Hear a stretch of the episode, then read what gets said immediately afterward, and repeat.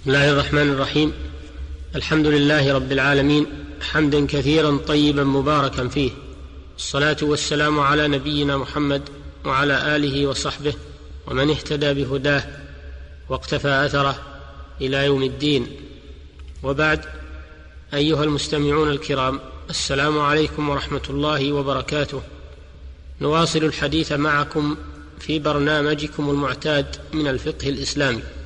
ونتناول في هذه الحلقة إن شاء الله بيان ما تيسر لنا بيانه من أحكام عقد الإجارة لأن هذا العقد يتكرر في حياة الناس في مختلف مصالحهم وتعاملهم اليومي والشهري والسنوي فهو جدير بالتعرف على أحكامه إذ ما من تعامل يجري بين الناس في مختلف الأزمنة والأمكنة إلا وهو محكوم بشريعة الإسلام وفق ضوابط شرعية ترعى المصالح وتدفع المضار والإجارة من ذلك. والإجارة كما عرفها الفقهاء مشتقة من الأجر وهو العوض. قال الله تعالى لو شئت لاتخذت عليه أجرا وهي شرعا عقد على منفعة مباحة من عين معينة أو من عين موصوفة في الذمة مدة معلومة أو على عمل معلوم بعوض معلوم وهذا التعريف مشتمل على غالب شروط الإجارة وأنواعها فقولهم هي عقد على منفعة يخرج به العقد على الرقبة فلا يسمى إجارة وإنما يسمى بيعا وقولهم مباحة يخرج به العقد على المنفعة المحرمة كالزنا والغنى وقولهم معلومة يخرج به المنفعة المجهولة فلا يصح العقد عليها. وقولهم من عين معينة أو موصوفة في الذمة أو عمل معلوم يؤخذ منه أن الإجارة على نوعين.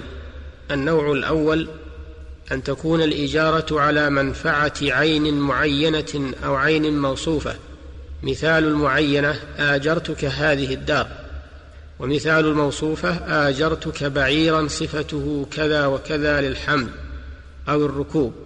والنوع الثاني أن تكون الإجارة على أداء عمل معلوم كأن يستأجره ليحمله إلى موضع كذا أو ليبني له جدارا أو غير ذلك. وقولهم مدة معلومة أي يشترط أن تكون الإجارة على المنفعة لمدة محددة كيوم أو شهر وقولهم بعوض معلوم معناه أنه لا بد أن يكون مقدار الإجارة معلوما.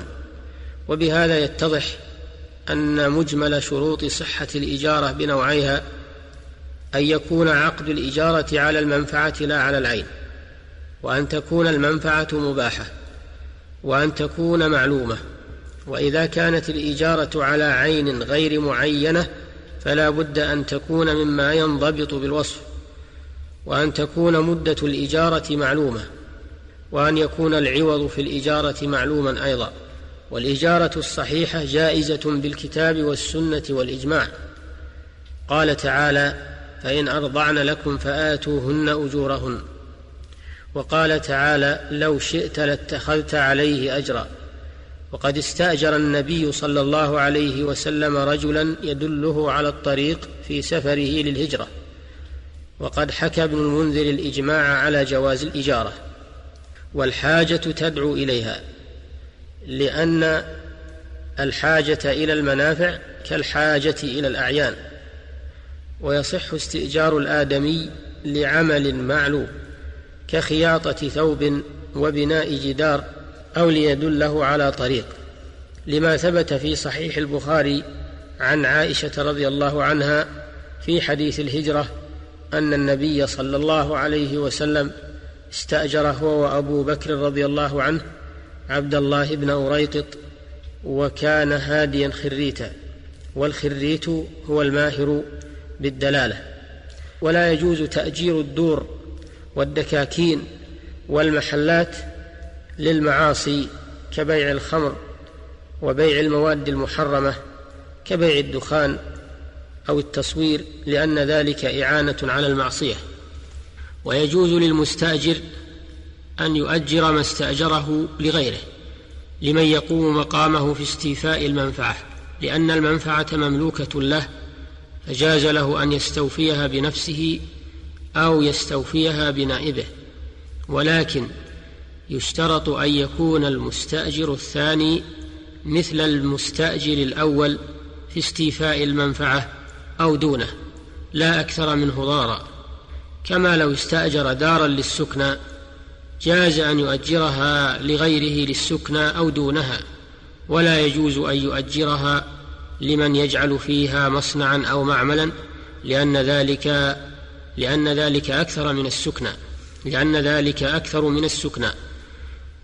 ولا تصح الإجارة على أعمال العبادة والقربة كالحج والأذان لأن هذه الأعمال يتقرب بها إلى الله تعالى فأخذ الأجرة عليها يخرجها عن ذلك.